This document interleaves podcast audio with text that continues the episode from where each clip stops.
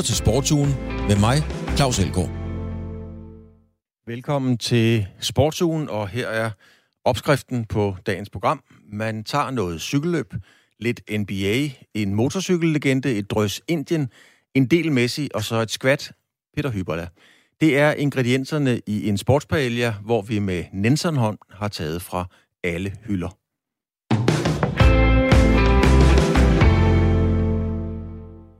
Det danske cykelløb Post Danmark rundt er i fuld gang i de her dage, og lige om lidt så ruller rytterne så ud på tredje etape, der går fra Tønder til Vejle.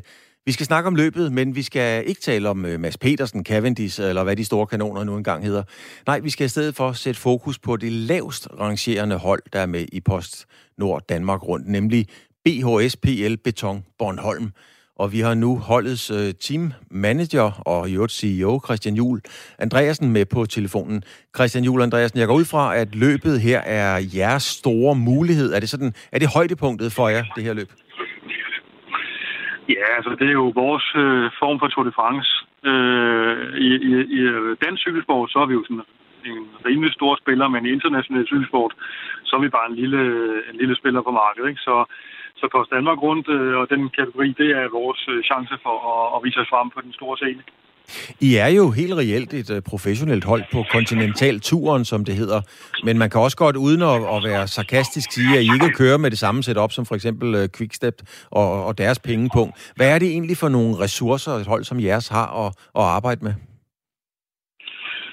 Jamen altså, vi har jo et setup, som, som minder om de professionelle, men bare i meget mindre format. Altså, vi har også tre servicebiler og en værkstedslastbil og en lille bus og sådan noget, der kører frem til starten. Det er bare ikke så stort og fint og fancy som de store hovedhold. Og så er vi jo i høj grad afhængige af, at vi har en masse øh, lojale hjælpere, som ønsker og som synes, det er sjovt at, at være med og hjælpe til. Øh, nærmest øh, for, for en fransk holder, hvis man kan sige på, den, på den måde. Og øh, altså, hvad laver rytterne til dagligt? Altså, kører de fuldtidsprofessionelt for dig og jer, eller hvad laver de egentlig? Nej, de fleste af vores rytter, det er nogle, øh, nogle unge fyre, som gerne vil frem i, i verden, og de, øh, de har ofte et studie ved siden af, øh, hvor de enten læser på universitetet, eller, eller går på Team Danmark Gymnasium, eller noget ved siden af. Øh, og, så, og så bruger de cykelløbet ved siden af til at, at prøve at skabe sig en karriere. Og, og mange af dem, de vil jo gerne videre til de her store rødturhold på et tidspunkt, og så, så er vi et, øh, et seriøst springbræt til det. Øh, det er jo sådan, at når man kommer op fra juniorrytter, så kan man ikke bare gå direkte ind på et rødturhold der skal være et mellemled, hvor man lige har en to, to til fire år for at udvikle sig, inden man kommer videre til det, til det helt store, øh, til det næste niveau. Men hvordan er det så? Er det så i stedet for et, øh, et, et, et studie... Jeg er simpelthen så bange for at komme til at lyde ironisk og sarkastisk, fordi det er slet ikke det, der er intentionen. Men er det i stedet for et studenterjob? Altså, øh, er det de penge, der er i det, eller kan man tjene lidt mere? Det, det, det, skal, det passer nok meget godt. Altså, det er i stedet for, at man står på en tankstation om aftenen, så kan man måske køre cykelløb og tjene lidt håndhør på det. Øh, så det, det, det, det er nok en meget god sammenligning. Men det er jo lidt vanvittigt eller lidt vildt at tænke på, fordi nu kører I imod for eksempel sådan en som Cavendish, og han er jo næsten på, på Ronaldo-Messi-niveau, hvis man sammenligner med, med fodbold. Det er jo en af de, af de største sprintere nogensinde. Altså, hvordan er den øh, sammenblanding? Ja, det er lidt specielt. Altså, øh, den, ene, den ene uge, der kan du køre mod nogle konkurrenter, der tjener 20 millioner om året, og, og næste uge, så kører du mod nogen, der ikke får en krone for at køre cykelløb. Så altså, det er meget specielt. Øh, det, er, det er bestemt ikke for pengenes skyld, at vores uger de kører. Det, det, det, det er lige sikkert. Hvad kan I så tillade jer at have af ambitioner, når I kører med i PostNord Danmark rundt, som jo er besat, øh, og måske i år et af de stærkeste år, øh, hold, eller øh, hvad hedder det, et af de stærkeste felter nogensinde. Hvad, hvad kan I tillade jer at have som ambitionsniveau? Ja, men jeg synes, at vi har, vi har da sat barn højt. Altså for, for, for, i 2018, der, der havde vi en rytter på holdet, som hed Rasmus Kvæde, som mange kender, som blev nummer 18 i det samlede klassement. Og vi var faktisk også ude og, og vandt den samlede holdkonkurrence den sæson. Og i 2019, der vandt en af vores ryttere faktisk en etape øh, med Martin Toff Madsen, som vandt enkeltstarten. Øh, så vi har faktisk gode traditioner i det her løb, og vi har også allerede haft øh, bakketrøjen, på, som vi erobrer på første etape. Øh, den tabte vi så i går, men vi skal ud og slås for at råbe den tilbage igen i dag. Så vi, øh, vi kører efter at lave et synligt løb, hvor øh, vi kan vise vores sponsorer frem og øh, vores ø frem på, på, på bedste vis. Øh, på samme tid med, at vi forhåbentlig kan lave nogle resultater. Og nogle år er det, der flasker det hele sig, og andre år så må man også med lidt mindre. Men, men kendetegnet er, at vi altid er, er der til at, at, at være synlige og køre, køre et godt løb og være med til at skabe løbet. Altså, jeg er jo fra Bornholm, og, og med alt respekt for Bornholm, så er rekrutteringsgrundlaget af dygtige cykelrytter jo trods alt begrænset på Bornholm. Hvordan, øh, hvordan finder I for jeres talenter til ligesom at, at dukke op?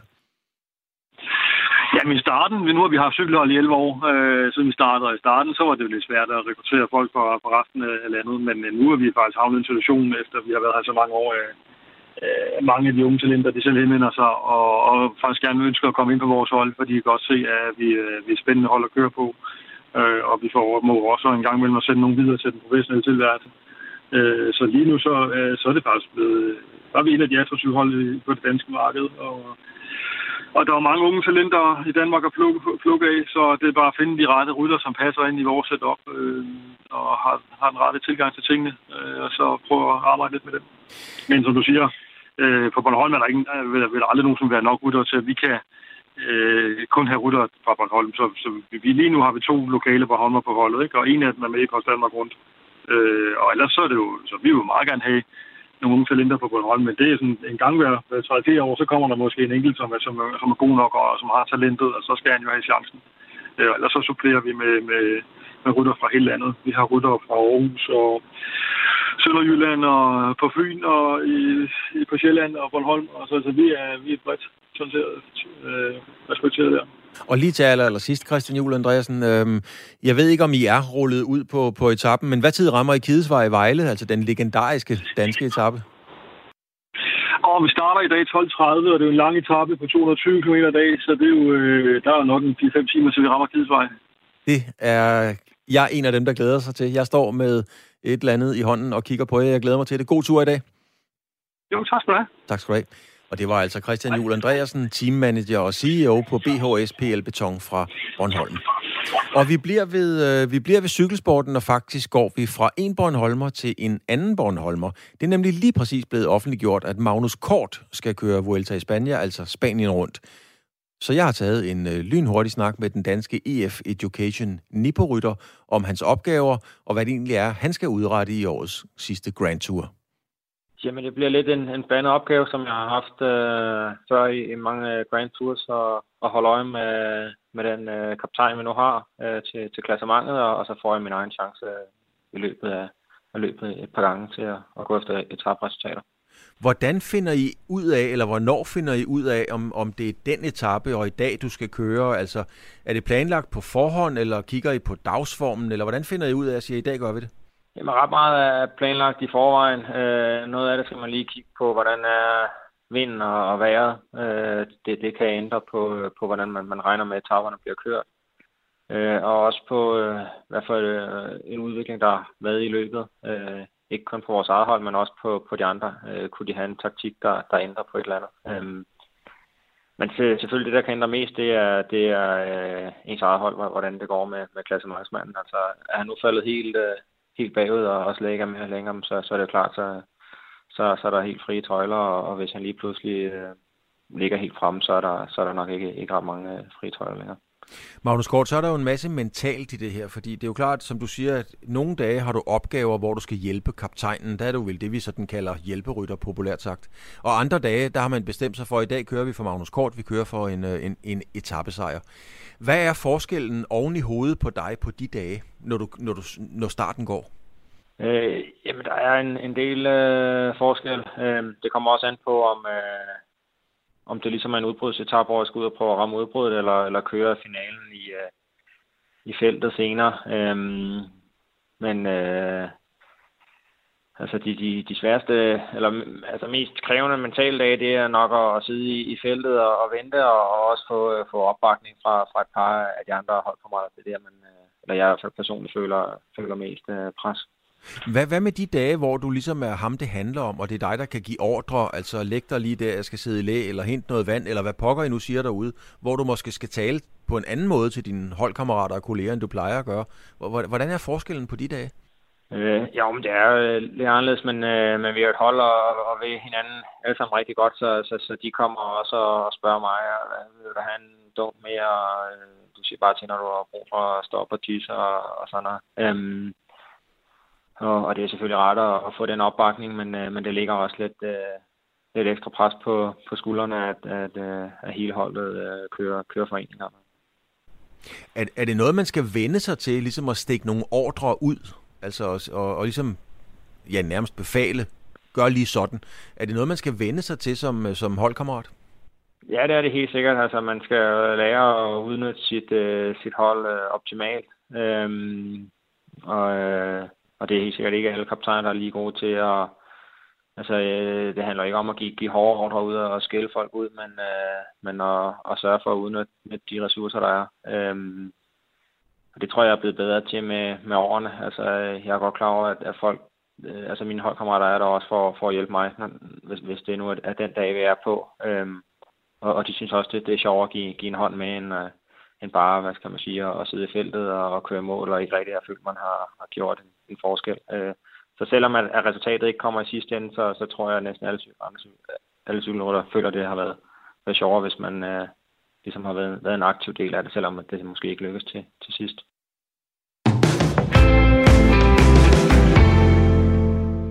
Og så fra asfalten på landevejene til de bonede gulve i basketballhallen, årets NBA-draft, som det jo hedder, løber stablen for et par uger siden. Og det er jo der, hvor holdene vælger nye unge talenter, der forhåbentlig, formentlig skal forme fremtidens NBA. Og ifølge basketekspert Morten Stig Jensen har holdene i år overvejende truffet de helt rigtige beslutninger. Jamen, jeg hæfter mig ved, at der var en masse hold, som der gik ud og, og tog de rigtige beslutninger, faktisk. Altså meget tit, så, så ender man i situationer, hvor der er nogle hold, der bliver lidt desperate og begynder måske at tage nogle spillere alt for højt på bordet. Og det, jeg hæfter mig ved, er, at klubber er blevet klogere, øh, når det kommer til sådan nogle ting. Øh, vi ser Detroit, som der får Kate Cunningham, som jeg snakkede om sidst. Altså, han er en, en spiller, som der kan nå at blive en, en generationsstjerne, for at være helt ærlig. Han er umådelig dygtig. Og øh, det, det, der var lidt sådan boblerier inden draft omkring, er det virkelig ham, de tager? Og folk sad og tænkte, gud, hvis Detroit ender med at tage en anden en end ham her, Kate Cunningham, så er der da noget helt galt. Men heldigvis, så var det kun dem, der havde sendt nogle, øh, nogle røgsignaler ud i æteren, fordi de tog ham, og de har været meget tilfredse med ham indtil videre. Især Evan Mobley, der ryger til Cleveland Cavaliers, hvor at det passer bare perfekt. Han er en, en stor spiller, som der kan stort set det hele, og det var det, de havde brug for. De har nemlig rigtig mange guards, så de havde brug for en stor spiller i under kurven, som der også kan rykke sig ud bag trepointslinjen. Jalen Green røg til Houston, og han er en score, øh, en gut, der nok allerede for, i år to i NBA kan smide 23-25 point på, øh, på bordet hver eneste kamp. Og det er faktisk, hvad de står og mangler. Så det har været øh, en, en, en, en draft, hvor at de fleste hold øh, anerkendte, hvad deres egen svagheder var, og fik det løst. Og når man snakker draft, så kan man jo heller ikke øh, lade være med at snakke øh, free agency. Nu, nu kaster jeg en masse amerikanske termer op i luften. Kan du ikke lige selv forklare, hvad er øh, hvad, hvad dækker betegnelsen free agency over? Hvorfor er det interessant at snakke om? Det er, hvad vi kalder transfervinduet i fodbold, mere eller mindre. Det er simpelthen der, hvor at øh, Øh, man har en periode, hvor at spillerkontrakterne er udløbet, og så tager man øh, så tager man simpelthen højde for, jamen vi, vi ved, at spiller X er, har kontraktudløb her til, til sommer, og så har vi så for at, at, at smide en masse penge ud for det, der hedder en salary cap, og der, så har vi faktisk råd til at skrive med ham. Det er sådan lidt den, den store mentalitet. Og der var mange hold, som der med det samme havde gode planer om, at nu vil vi i gang med at, at, at bygge vores hold op på den her måde, eller den her måde, og der, derfor skal vi bruge spillere X og Y, og jeg ved ikke hvad. Og, og her vil jeg pege på Chicago især. Øh, de har gennem de sidste 4-5 år været ret uinspirerende, tror jeg er fair nok at sige. Og de havde brug for at lave et stort splash. Og de kom ud med, med free agency, både med en tidligere All-Star, DeMar DeRozan, og en up-and-coming ung stjerne, der hedder Lonzo Ball. De har fået en, en, helt ny øh, balance i deres startopstilling. Øh, men jeg tror ikke, der var nogen, der regnede med, at de ville kunne få de to i hus. Og ja, det kostede meget på, øh, på kontraktpengene, det gjorde det da. Men det tror jeg også er, er nødvendigt, når man skal have spillere af den kaliber. Og vi bliver ved det her med kontrakter og spillere, der enten skifter eller bliver øh, i deres nuværende klubber, fordi kæmpestjernen øh, Luka Doncic, øh, han har jo skrevet en kontraktforlængelse med Dallas Mavericks, øh, en fem år lang aftale, der øh, har en værdi af 207 millioner dollars, altså hvad der svarer til over 1,2 milliarder, sådan lige rundetal. Ham her, Luka ja. Doncic, Morten, jeg ved, at du er, du, er, du er vild med ham. Hvorfor er den her aftale så speciel? Altså, der bliver lavet rigtig mange milliardaftaler i, i NBA. Hvor, hvor rangerer den her?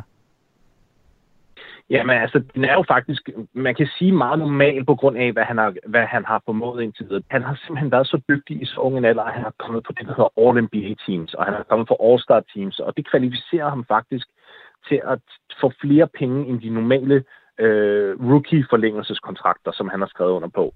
Det er derfor, den er så stor.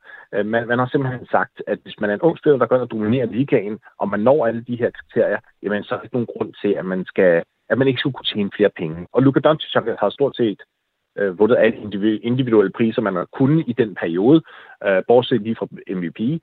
Og det har, det har simpelthen gjort ham øh, ledig til at kunne få sådan, eller ikke ledig, men det, det, har, det har kvalificeret ham retter til at få den her store kontrakt. Så det, at han får den, er, er velfortjent.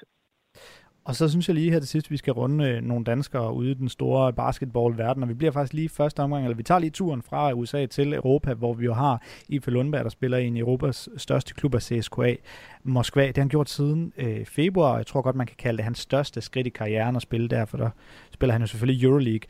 Morten, øh, 6-7 måneder har vi så set øh, Ife i, øh, i Moskva. Hvad øh, har du udledt fra hans øh, første tid der? Jamen, han har jo fuldstændig mødt øh, de, de høje forventninger, og det er jo en ting, som der har været tema, når det kommer til IFES karriere. Det er jo det der med, at hver evig eneste gang, at folk ligesom har tvivlet på, at han kunne komme op i niveau, men så har han nået det niveau, og så har han excelleret. Øh, igen, altså, det er jo en, en kæmpe, kæmpe basketballorganisation. Altså, det, det er et af de bedste øh, europæiske hold, der overhovedet er. Og, og der var der sådan nogen, der sagde, på, kan Ife Lundberg være på det niveau? Det er jo trods alt altså, sådan en stor legendarisk klub, at han kom ind og, og spillede fuldstændig fænomenalt. Altså, der, der er en grund til, at NBA-klubberne havde, havde enorm interesse for ham her i år. Nu må vi se, om han overhovedet øh, kommer til NBA i år. Det, der, de her, som sagt, nu vi lige gået igennem free agency, og der var mange, mange klubber, som har gjort det til en prioritet at få løst deres øh, point guard og shooting guard øh, problemer. Og det kunne godt betyde, at IFE måske skal vente til næste år. Det må vi lige se.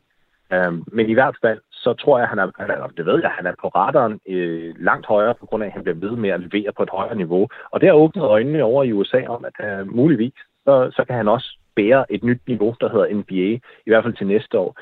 Øh, jeg regner selv med, at hvis det skulle vise sig, at IFE vender tilbage til Seska her øh, i år, og kommer til at spille næste sæson der i Rusland, så vil det slet ikke undre mig, at han kommer ind med sådan en mentalitet, der hedder, at jeg skal simpelthen knække den liga.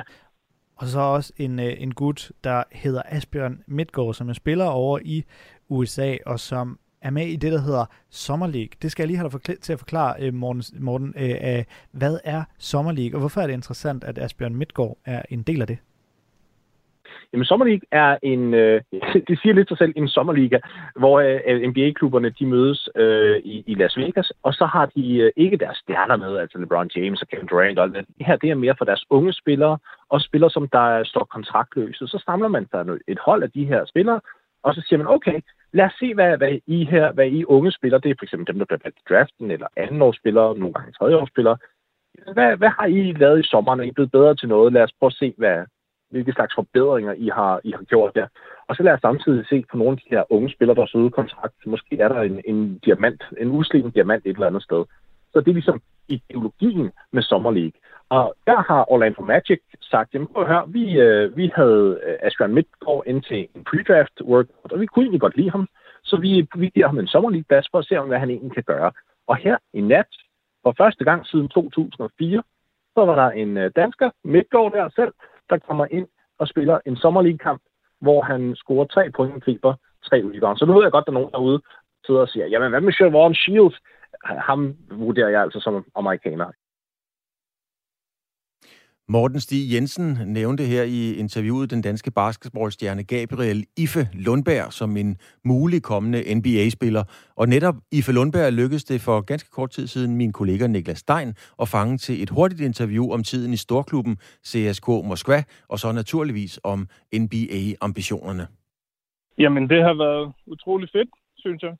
Øh, nu nåede jeg dog kun lige at spille 20 Euroleague-kampe og være der i en en total tid af 3,5 måneder. Men øh, i den tid, jeg var der, der har jeg nyt det utrolig meget.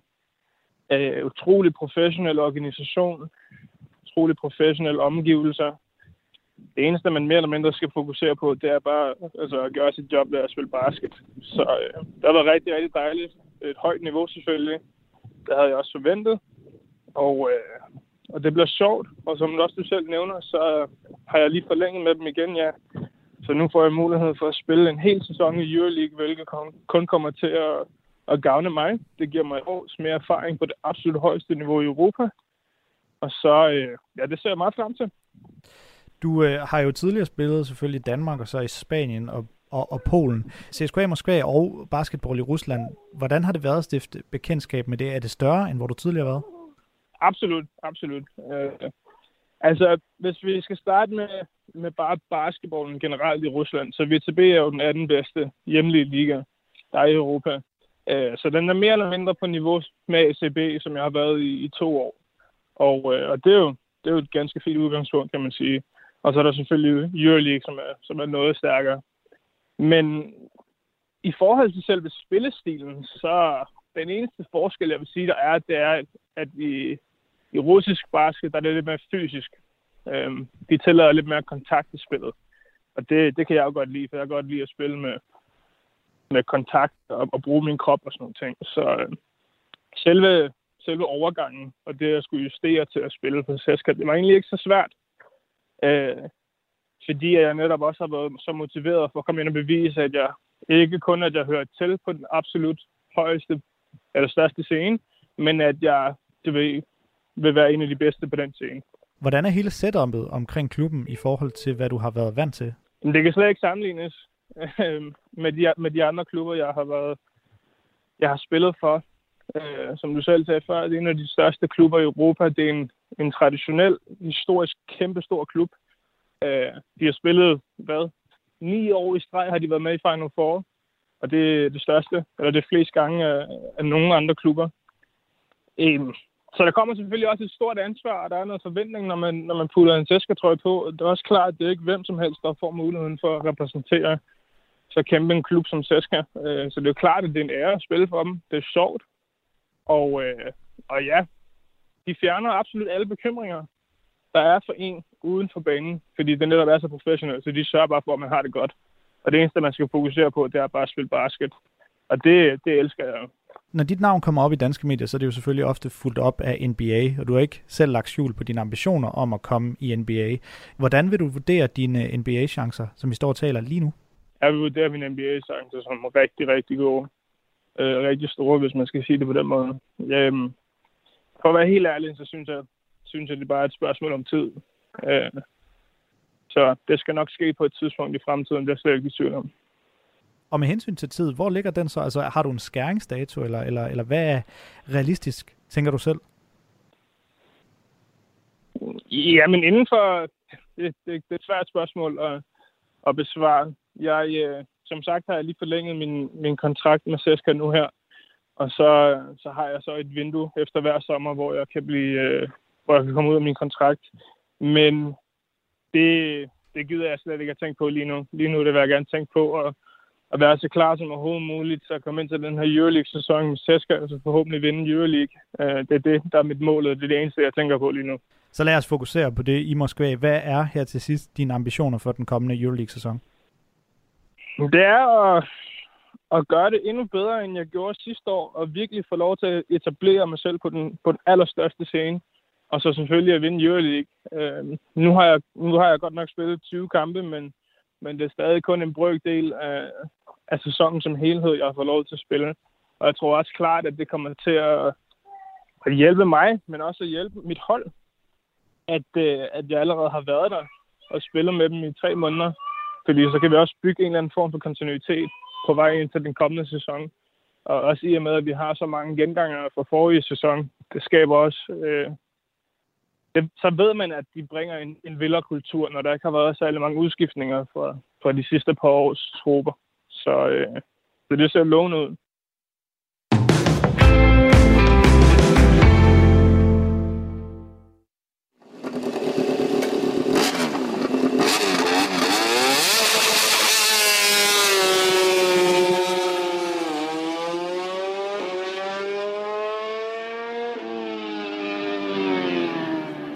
så kører den væk. Og hvis man skulle lave en liste over de største italienske sportsstjerner, så ville fodboldspillerne helt sikkert komme til at fylde rigtig mange pladser.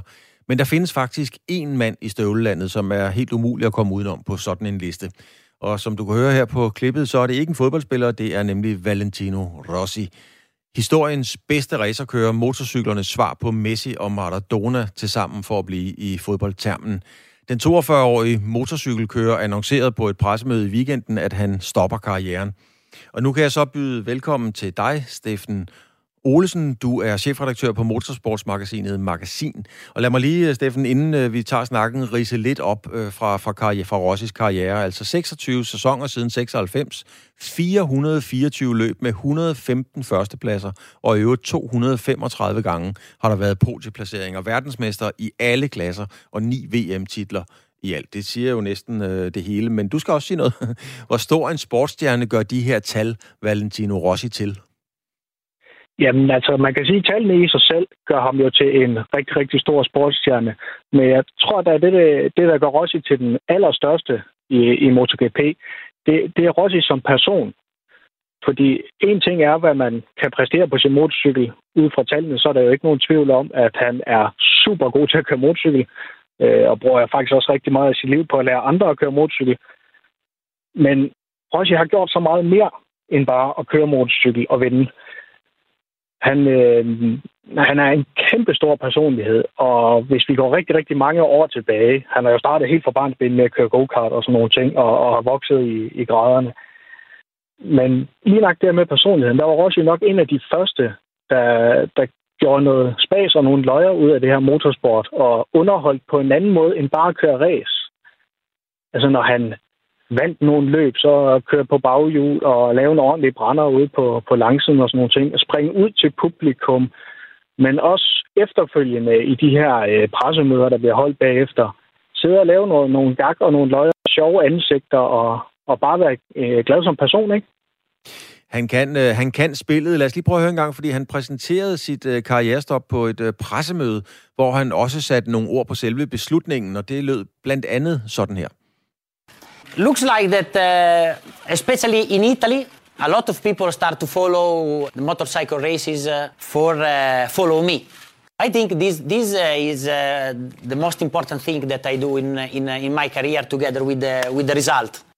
Og han siger, at specielt i Italien er folk begyndt at gå op i sporten på grund af mig, og det er vigtigere end mine sejre, og sådan sagde Rossi altså. Hvor stor en stjerne er ham her, Rossi, altså rent faktisk for manden på gaden i Italien?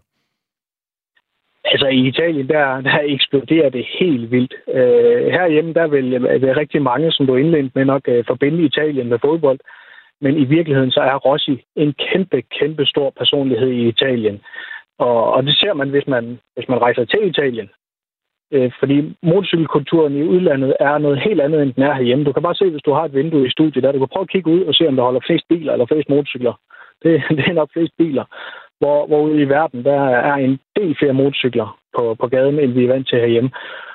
Og, og så folk, de har bare en anden tilgang til det her, men lige nøjagtigt Rossi og hans personlighed, han er meget mere menneskelig, end, end vi ser i mange andre sportsgrene. Øh, man kan godt øh, få lidt en fornemmelse af, at når folk de bliver rigtig, rigtig gode til en sport, og de begynder at vinde noget, så, øh, så, så bliver de lidt højrøvet. Det, det har Rossi aldrig rigtigt. han har i hvert fald aldrig vist det, han har aldrig udtrykt det.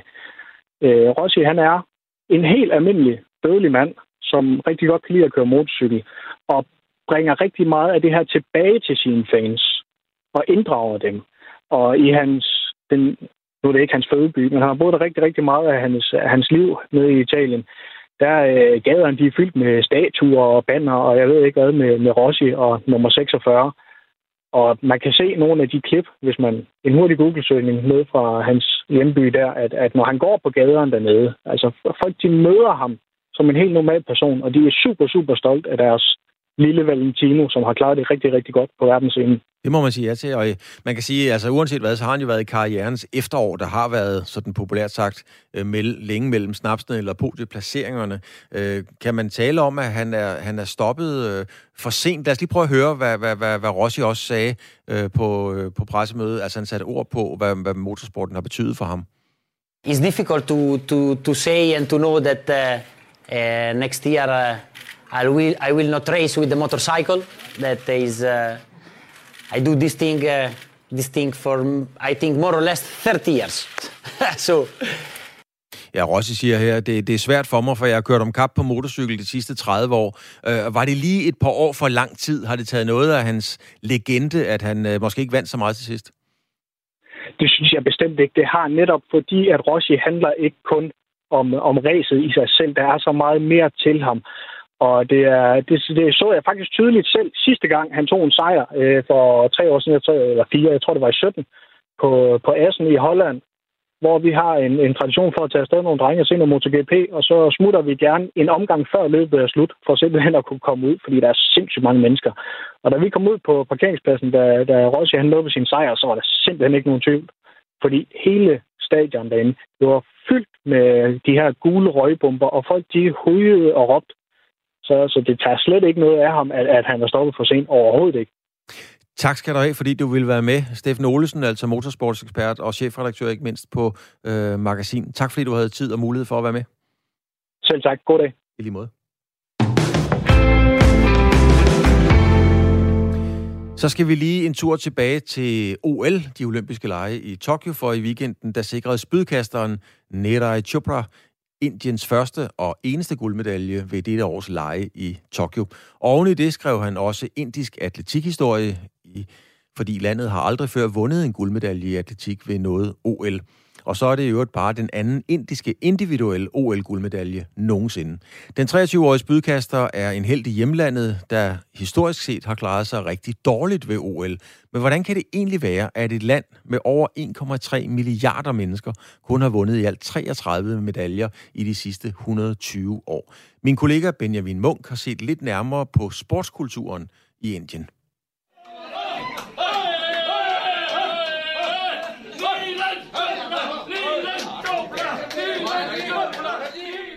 Med mundbind på, armene i vejret og jubel kunne den indiske minister Anil Vij fejre landets anden OL-guldmedalje i en individuel sportsgren nogensinde.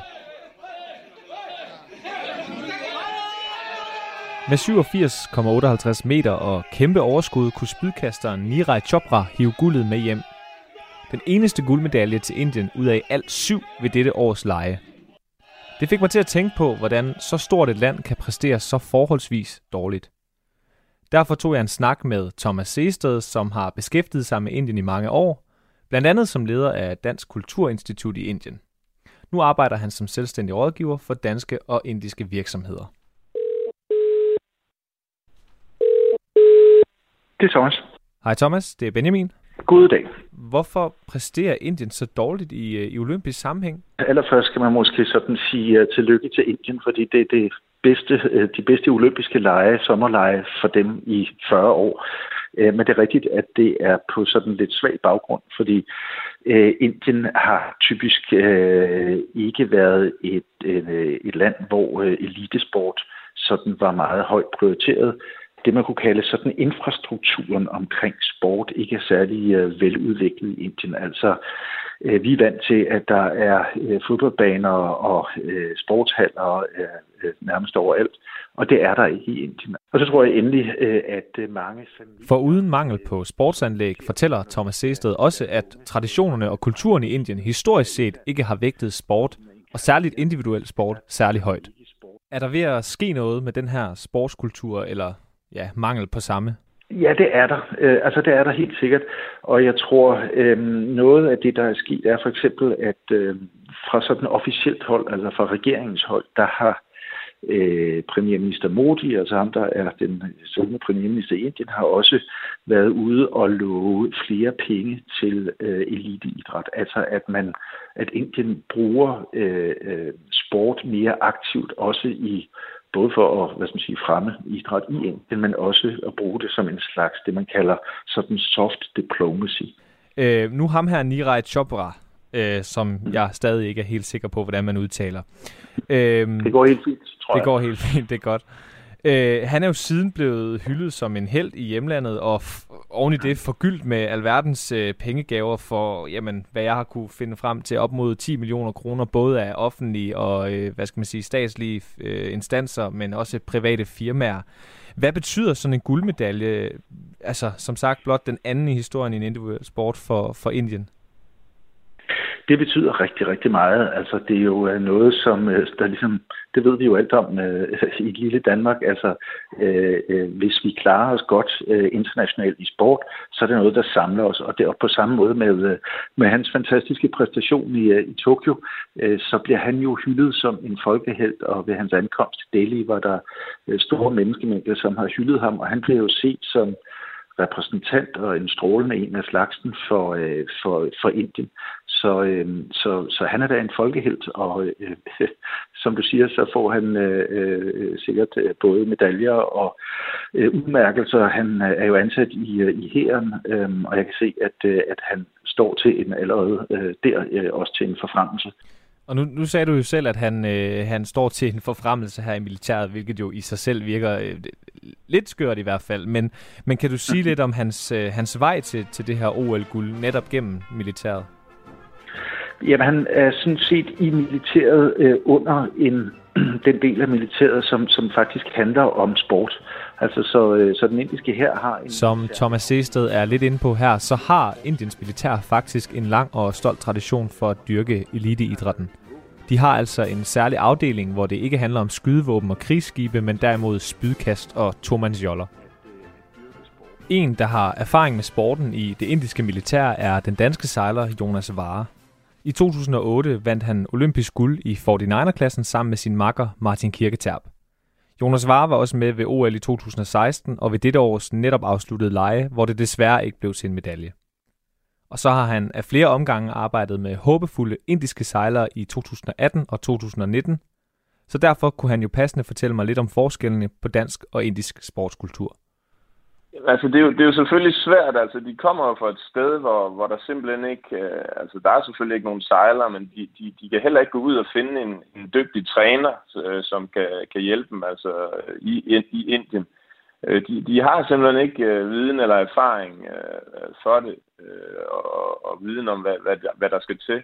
Jonas Vare synes ikke som sådan, at hans arbejde er spildt, men der er ingen tvivl om, at Indien må og skal gøre noget anderledes, hvis de ønsker at være med blandt de øh, absolut bedste. Der skal jo en, en langsigtet plan til, hvis de vil det her, men, men man kan sige, min øh, ansættelse er også lidt et eksempel på det, de gør forkert, kan man sige, fordi så hiver de mig ind, fordi øh, så tænker de, at så er den hellige øh, grav velforvaret, øh, og, og, og så, så bliver deres sejler lige pludselig gode i løbet af de her altså, få måneder, som jeg kan hjælpe dem. Og, og der er der ingen tvivl om, at, at det giver dem et ryg, at jeg kommer ned i øh, måske tre uger, fire uger ad gangen, jamen så rykker det noget der, men jeg kan bare konstatere, at, at når jeg så er tilbage igen, måske efter et halvt år eller, eller nogle måneder, jamen så skal jeg nærmest starte forfra, fordi så enten så har de, ja, ikke sejlede den tid, jeg er væk, ikke, ikke, ikke lavede den træning, vi skulle, og lavede nogle andre ting. Øh, og, og, og jeg må i hvert fald bare konstatere, at, at jeg mere eller mindre skal, skal starte fra scratch. Og nu ved jeg godt, det er umuligt for, for dig og alle andre for den til skyld at spå om fremtiden, men, men øh, ud fra din øh, erfaring med, med træninger dernede, ser det ud til at blive, øh, blive på nogen måde bedre for dem? Når, når sådan noget som den indiske her går ind i noget, jamen, så, så er der jo virkelig noget power bagved. Øh, jamen det, det siger mig jo, at, at de jo rigtig gerne vil det her, øh, og det kan jeg jo også fornemme, når jeg er dernede. Øh, og, og det her er jo, så, det er jo en start på det, og, og de havde jo også sådan set et, et hold med, som var større end nogensinde, altså et sejlerhold til OL. Øh, så altså, det går jo fremad, og de gør nogle rigtige ting. Øh, det, det, det, det mangler bare ligesom at blive sat sammen.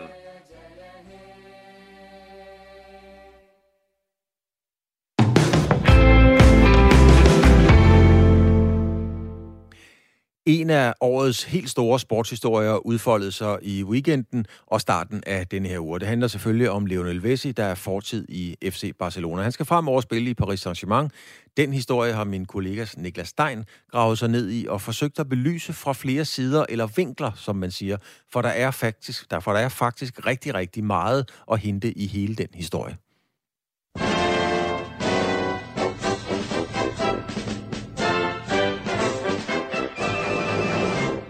Det er så sandelig trængte tider i FC Barcelona for tiden.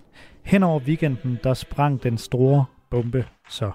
Lionel Messi skal ikke spille for FC Barcelona i den kommende sæson.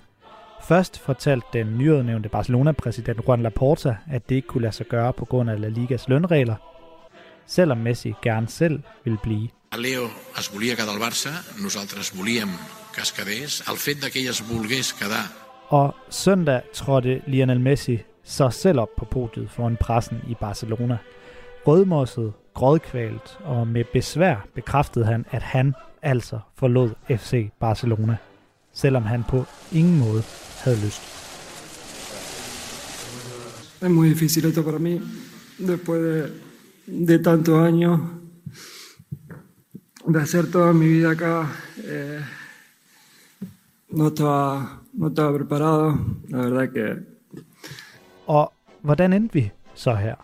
Eller snarere, hvordan endte FC Barcelona her? Det har vi spurgt en af Danmarks fremmeste eksperter ud i spansk fodbold, Morten Glindvad, om.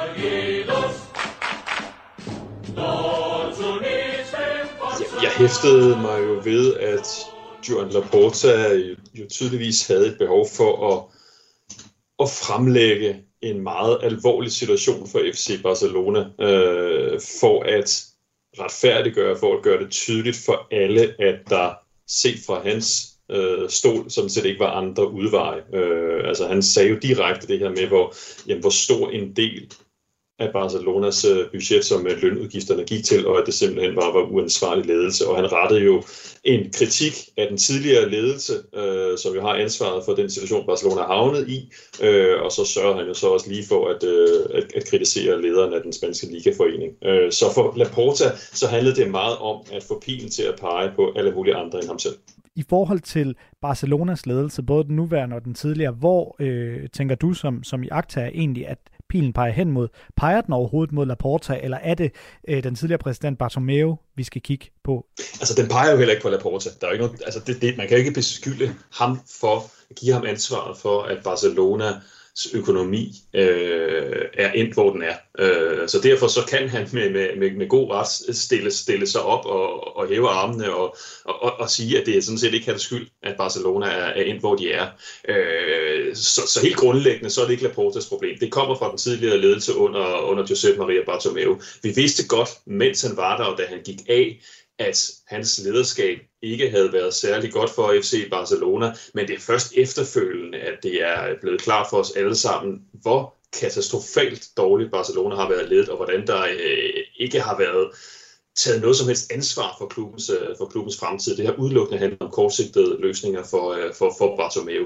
Men når det så er sagt, så står Laporta jo selvfølgelig også i en svær situation, for han nåede jo at sige tilbage i foråret, at det der med Messis kontrakt, Ja, men det får vi lige ordnet over en, øh, over en middag, over en asado, som man sagde, altså et, øh, et stykke grillet kød. Altså han bagatelliserede lidt situationen. Han gjorde det tydeligt for, øh, for dem, der havde, havde stemt på ham, dem, der havde valgt ham som, som, som præsident, at det her, det skulle han nok ordne. Og det har jo så vist sig, at det var han ikke i stand til. Så selvom at ansvaret for det ikke direkte ligger hos ham selv, så har han alligevel været, været lidt, for, lidt for kæk i sine meldinger omkring Messis fremtid. Således altså situationen og hvorfor Barcelona ikke længere kunne beholde verdens bedste fodboldspiller. Messi han skal nu spille i Paris Saint-Germain, der ikke har samme problemer med at betale hans hyre, som Barcelona havde. Det skyldes alle de oliemillioner, klubben har i ryggen, og det er blandt andet derfor, Messis nye klub bliver kritiseret fra flere sider. Så jeg ringede til Stanis Elsborg, der er analytiker ved Play the Game, for at få PSG's ejerforhold udlagt. Jamen, det er jo et meget entydigt eksempel på en øh, statsejet fodboldklub. Altså, den franske klub Paris Saint-Germain blev jo i 2011 øh, købt eller overtaget af investeringsselskabet Qatar Sports Investment, øh, som jo så siden har gennemført masser af omfattende økonomisk og kulturel revolution i virkeligheden i den franske hovedstad. Men Qatar Sports Investment er sådan set en nøgleaktør for Qatar sådan globale sportserhvervelser, og det er en underafdeling af det, der hedder Qatar Investment Authority, som er ejet af staten Qatar. Og Paris Saint-Germain er derfor også et statsligt projekt for den royale familie i Qatar, og det er ligesom deres europæiske flagskib, det er blevet Paris, altså øh, fodboldklubben der, og det er jo en ting, øh, et element i Katars meget, meget omfattende sportslige strategi, men det er klart, at fodbold, øh, når det er så profileret og højt profileret, som det er med så store sportsstjerner, der er det en meget, meget vigtig del af Katars øh, sportslige strategi, men det er altså et, et statsejet øh, foretagende, som øh, Lionel Messi han nu bliver en del af. Nu er Messi så PSG-spiller. Han blev præsenteret onsdag til stor fanfare og folkefest i Paris, og den synes jeg også lige, vi skal tage temperaturen på. Så onsdag eftermiddag fik jeg fat på CBS Sports engelske Paris-korrespondent. Han hedder Jonathan Johnson, og han har dækket PSG i en årrække. Han bor jo i Paris og var selvfølgelig til stede i de parisiske gader og ved Lionel Messis præsentation i går, hvor det lød sådan her.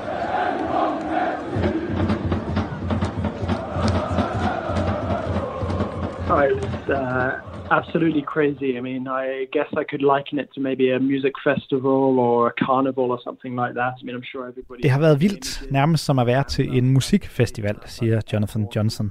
Fra tidligt på dagen var der kø ude foran butikker og ude foran stadion Parc de Prince.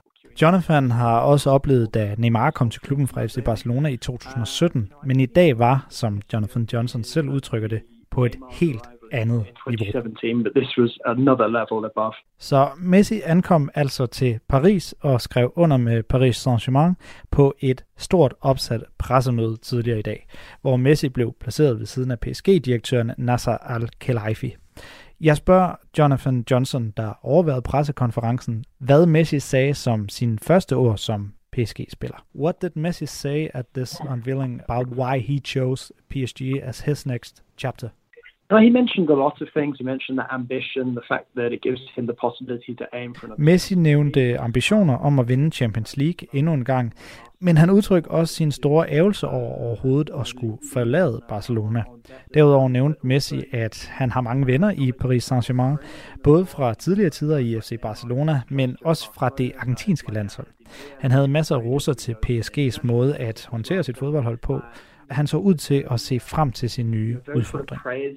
For what PSG are doing, how ambitious they are, uh, and uh, it's you know it, seems like he's really relishing this new challenge.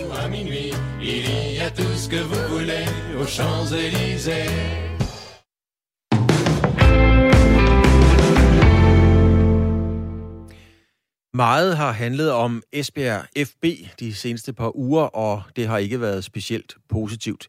Men nu blæser der nye vinde over Esbjerg. Det kan man i hvert fald håbe for klubben, der spiller i første division. Peter Hyballa stoppede i går som træner i Esbjerg, og den nye mand på trænerposten hedder Roland Vrabæk.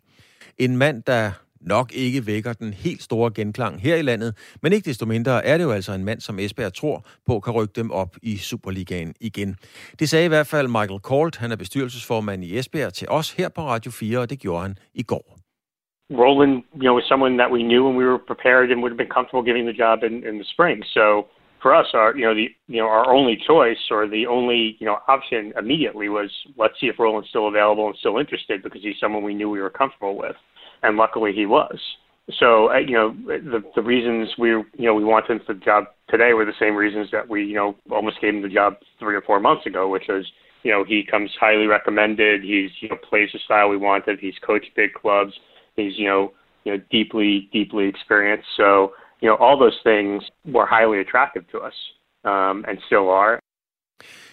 Dan Grønbæk, vært på Fire på Foden her på Radio 4. Det var jo dig, som talte med bestyrelsesformand Michael Colt i, i går. Og hvilket indtryk har du fået på meget kort tid af den nye træner, Roland Vrabæk?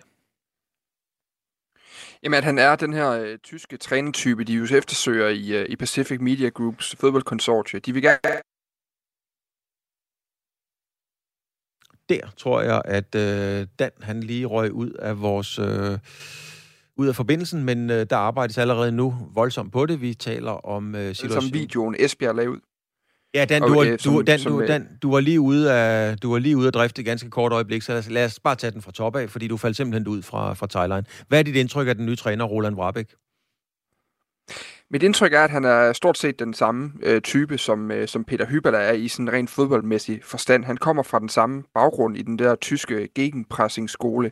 Altså gegenpress er jo det der ord, vi har hørt øh, tyske trænere bruge over hele Europa nu, øh, prøve at inkorporere i deres engelske med sådan en tysk accent. Men det handler jo dybest set om, om en spillestil, man i Pacific Media Group rigtig gerne vil have alle klubbens, eller alle konsortiets øh, klubber spiller. Øh, man har ligesom identificeret tidligere, at, øh, at det her høje pres, det er det, der kan øh, sørge for, at de kan yde over evne i de ligaer, de kommer ind, og det er altså også det, man vil have Esbjerg til at levere, og det mener man, at Roland Warbeck øh, er en eksponent for. Dan, du spurgte også Michael Kolt, altså bestyrelsesformanden i Esbjerg, hvad den egentlige grund er til, at Peter Hyballa ikke længere er træner, og svaret lød sådan her.